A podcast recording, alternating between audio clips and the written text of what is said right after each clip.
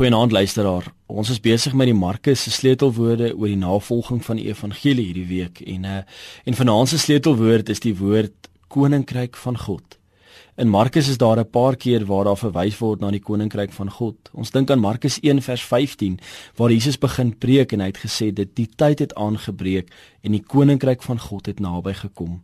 Markus 9 vers 47 is 'n ander voorbeeld waar daar van afvalligheid gepraat word en en wat mense daaraan moet doen.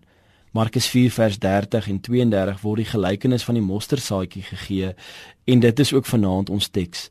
Hy het ook gesê, "Hoe sal ons die koninkryk van God voorstel of met watter gelykenis sal ons dit uitbeeld?" Dit is soos 'n mosterdsaadjie.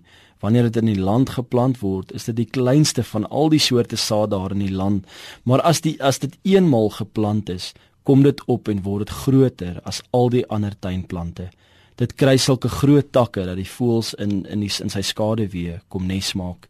Die gelykenis van die mosterdsaadjie verduidelik vir ons die ontwikkeling van die koninkryk van iets baie kleins na dit wat groei en volgroei raak. 'n Mosterdsaad is baie klein en die boom word word om dit om en by 3 meter hoog. Soms kan min woorde en dade baie groot gevolge hê. Ons almal weet dit. Baie keer dink ons ons bydra in die koninkryk van God is min maar God kan groot dinge deur dit tot, tot stand bring. Die Here kan klein die kleinste dingetjie neem en hoe gering dit ook al mag wees en ongeag die grootte daarvan, kan hy alles en almal gebruik om meer werk vir sy koninkryk te doen. Dit is hoe dit werk in die koninkryk van God. 'n Saadjie word hier en daar gesaai en as jy weer sien is daar 'n groei wat plaasgevind het.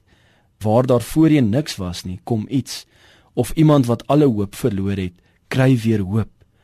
Iemand word gehelp of iemand wat soekend is ontmoet die verlosser en sy lewe verander.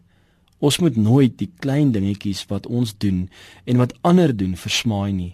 Wees altyd gereed om beskikbaar te wees vir die Here se koninkryk. Jy weet nooit wat jou optrede tot gevolg kan hê nie of hoeveel seën dit in die lewe van iemand anders te mag bring nie. Lekker aand.